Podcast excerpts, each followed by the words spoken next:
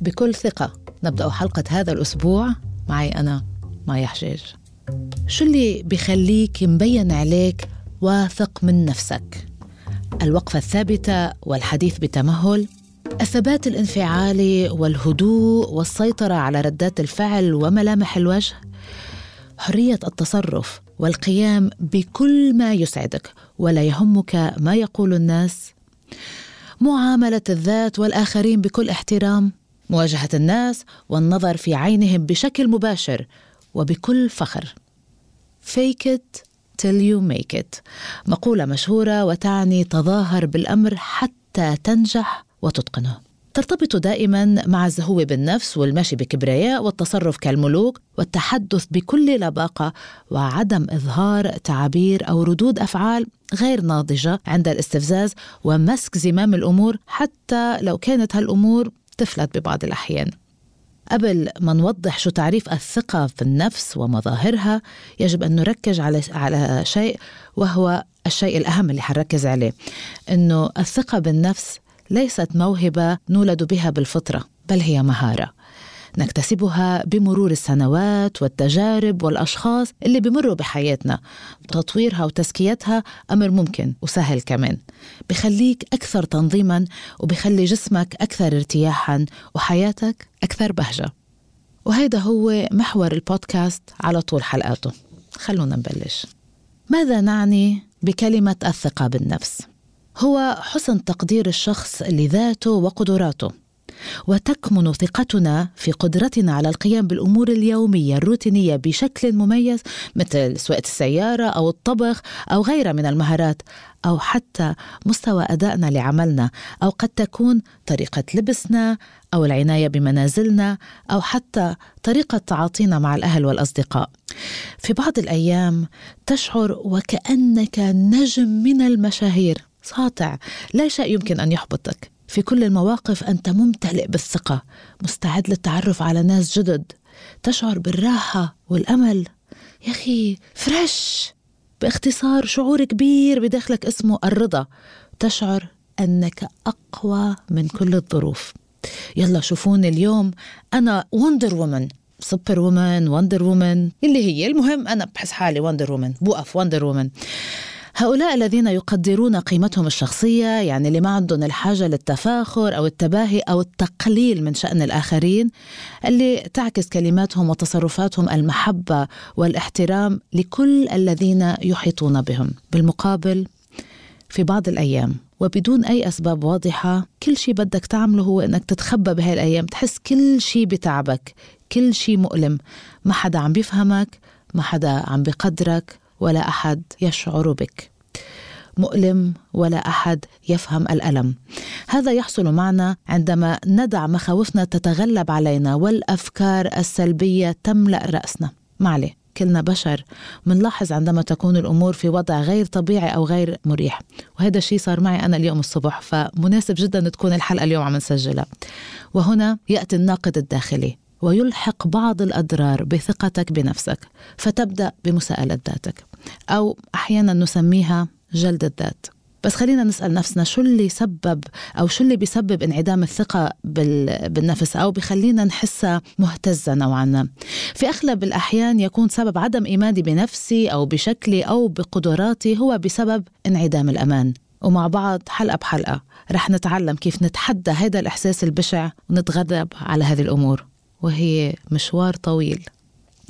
وفقا لدراسة استبيانية عملتها سايكولوجي توداي أظهرت نتائجها أن 85% من اللي أجروا عليهم الدراسة يعانون من ضعف الثقة بالنفس. تنبع هذه الثقة ليس فقط من تقدير الذات ولكن أيضا من الإحساس بالأمان.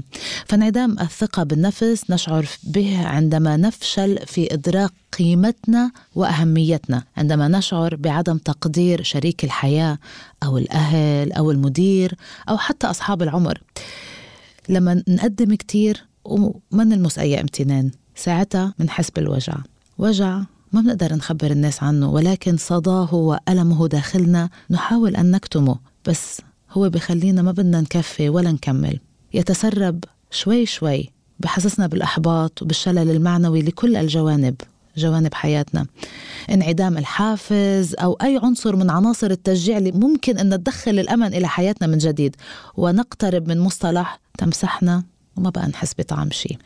ما حدا بحب الإحساس بالفشل أو القهر أو أنه مش كافي.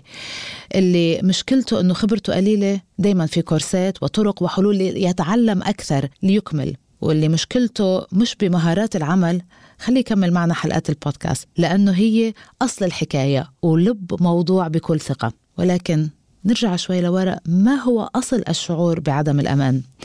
تجد حالات عدم الأمان طريقها إلى كل جانب من جوانب حياتنا. يمكن أن نشعر بعدم الأمان تجاه مظهرنا أو طولنا أو صوتنا أو خبراتنا وكثير كثير أشياء إضافية. يمكن أن يأتي الشعور بعدم الأمان من التعرض للتنمر في المدرسة. أو حتى المتابعة المستمرة لوسائل التواصل الاجتماعي مقارنة أنفسنا بالآخرين. يمكن أن تكون التجارب السابقة أرهقتنا وبلشت تطارد ثقتنا بنفسنا ويمكن تؤدي الأحداث اليومية إلى إثارة مشاعر من عدم الكفاءة في عمل ما. كل هذه المخاوف يمكن أن تؤثر وتجعلنا أو تزيد من تقليل قيمتنا لذاتنا وتنبع من حديثنا الداخلي حول الأفكار السلبية مثل الشك في قدراتنا وصورتنا الذاتية. وقد تولد هذه المخاوف الشعور بالتوتر أو القلق أو التردد بشأن أشياء معينة. قد تسبب منعك من تعلم شيء جديد وقد تتطور هذه المشاعر ويمكن أن تستهلك الشخص وتمنعه من الاستفادة من الفرص الجديدة لأنه مش عم بيشوفها. بحلقة اليوم وقبل ما أقدم لكم نصايح ذهبية نبلش فيها بتطوير مهارة الثقة بالنفس. رح نوضح بشكل بسيط حالات انعدام الأمان. هناك عدة أنواع من انعدام الأمان خاصة أنه هي تمس العديد من الجوانب بحياتنا. نتحدث عن ثلاثة منها بشكل مبسط وخفيف. أول وحدة رح نحكي عن الأسباب الشخصية. هي مرتبطة بمظهرك أو صوتك أو حتى نظرة الناس لك قد تبدو سطحية بالنسبة لشخص يراقب من الخارج لأنه عدم الثقة بموضوع الشعر أو الملابس أو عيب في الشكل هو غير مستحب. ولكن يمكن للشخص أن يشعر بها بعمق وتسبب ضيق شديد ويمكن أن تمنع هذه المخاوف الشخص من متابعة العلاقات الشخصية أو فرص العمل أو حتى العلاقات الاجتماعية إذا سمحنا لها بذلك. يمكن أن تنبع من نقص الثقة بالنفس بسبب الاهتمام الشديد برأي الناس ومعتقداتهم عنك وغالبا ولكن ليس دائما هي متعلقة بشكلك الخارجي. كثيرا ما تقود منصات التواصل الاجتماعي الناس إلى مقارنة أنفسهم بالآخرين وتعزز شعورهم بعدم الأمان، ما يؤدي إلى عادات غير صحية مثل اضطرابات الأكل وإيذاء النفس والانعزال. من الأسباب الأخرى أيضا حكينا على الأسباب الشخصية الأسباب المهنية. هذه تحدث في أماكن العمل تجعل الناس قلقين خجولين من تقديم عروض تطويرية وأفكار خلاقة. تخيل مثلا لو تجاوزك رئيسك في العمل للحصول على ترقية عملت بجد لتحقيقها. سيؤدي هذا الفشل إلى سحقك تتدمر ويعرض احترامك لذاتك لضربة كبيرة وموجعة. كما يمكن أن تؤدي حالات عدم الأمان هذا إلى غرق الناس بالشك الذاتي وفقدان الشغف. كثير مهمة هاي. وجعلهم يعتقدون أنهم ليسوا كفؤين بما يكفي للحصول على ترقيات وهذا يقود البعض إلى المعاناة ويفقدون الأمل في تحقيق أهدافهم والعجز عن مواصلة أيام العمل بحماس. النقطة الأخيرة واللي أيضا هي نقطة مهمة جدا هي انعدام الأمان في العلاقة العاطفية أو العائلية. شوف كيف ممكن تركب معك بحالتك؟ تعتبر حالات عدم الأمان في العلاقات العاطفية والاجتماعية شائعة ويمكن أن تحدث لأي شخص حين يجعلك الشريك تشعر أنك لا تستحقه وأن شخصا آخر سيجعله أكثر سعادة. هذه قد تؤدي إلى الغيرة والسلوك المهيمن ويمكن أن يكون سبب عدم الأمان في العلاقات هي تجارب سابقة مع شركاء سابقين أو أصدقاء أو أفراد أسرة آخرين لو كانوا تسببوا في أي صدمة. هاي الأمور بتضعنا عرضة لمشاكل الصحة العقلية مثل زيادة القلق والاكتئاب وغير ذلك. وعندما تكون قيمتنا الذاتية منخفضة وهشة فإننا لا نؤمن بأنفسنا ما قد يؤدي إلى التخلي عن أحلامنا. أو البقاء داخل منطقة الراحة. انعدام الأمن مزعج لعلاقاتنا، يمكن أن يسبب الشعور بعدم الأمان مشاعر أخرى مثل الغضب السريع، الاستياء تجاه أصدقاء، عائلات، شركاء. هذا السلوك يخلق توترا للجميع ويكون غير صحي إذا ترك دون حل. بعتذر من كل اللي زعلتهم اليوم. أظهرت الأبحاث أن 40% من سعادتنا تأتي من الطريقة التي نعيش بها حياتنا ويمكن للفشل في أي جانب من جوانب الحياة أن يملأ الناس بالشك الذاتي. ما يؤثر سلبا على احترامهم لذاتهم وثقتهم ويمكن للفشل أن يؤدي إلى ناقد داخلي أكثر قسوة إذا استمر الشعور دون حل. يتسبب القلق الاجتماعي أيضا في الشعور بعدم الأمان عندما يفتقر الناس إلى الثقة في المواقف الاجتماعية مثل الحفلات العائلية واجتماعات العمل والمقابلات والمواعيد فهم يشعرون بالخوف من نظرة الناس إليهم هل يحكمون على حذائي؟ آه، ضحكت شوي عالية زيادة عن اللزوم. أنا قلت شيء هلأ غابي حيقولوا منا ذكية. آه هذه كلها أفكار يمكن أن يمتلكها شخص غير آمن لا يشعر بالأمان. خلينا نبتعد عن وصف هذه الحالات لأنه اللي براسنا أنه نتجه للاتجاه المعاكس تماما اللي هو الإحساس بالثقة والاعتزاز بالنفس. المهم بهذه المرحلة أنه نعرف أنه طالما وصلت معنا بهاي الحلقة لهون يعني الأمل بإعادة الثقة بالنفس وتطويرها كمهارة أكثر من ممكن. وأسهل من سهل لأنه إرادتك خلتك تعرف أنه ما في مستحيل. كل شيء نخطط له ونتعب عليه وبنعرف وين الاتجاه الصحيح. حتكون نهايته موفقة والتجربة ميسرة حتغير حياتك ونظرتك لنفسك والدنيا اللي نحن عايشين فيها.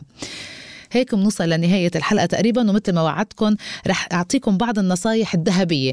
بتشتغلوا عليها وبشتغل عليها أنا. حتى نبلش بداية صحيحة بالحلقات اللي جاية. أولا واجه مشاعرك بدلا من أن تتجنبها.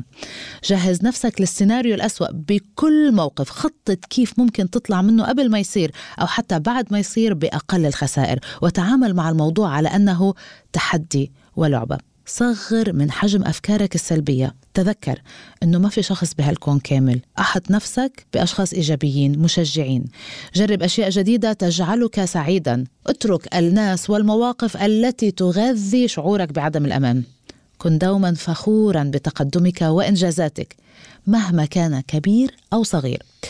وقبل ما يخلص مشوارنا اليوم حاب أقول إنه حنختار مقولة أو نصيحة من تعليقاتكم اللي رح تكتبوها ورح نبلش فيها حلقة جديدة حتى تكون الحلقات دايما طريق باتجاهين إلكن ومنكم. انتهت الحلقة الأولى من بودكاست بكل ثقة. أنا مايا حجاج انتظروني بحلقات جديدة نمشي فيها مع بعض درب الحياة. بكل ثقة. ختاما أرجو التنويه أن هذا البودكاست لا يستند إلى تجارب شخصية. هذا البودكاست هو مجموعة من تجارب شخصية وأراء فردية ومقتطفات من أهم الأبحاث والمقالات العلمية.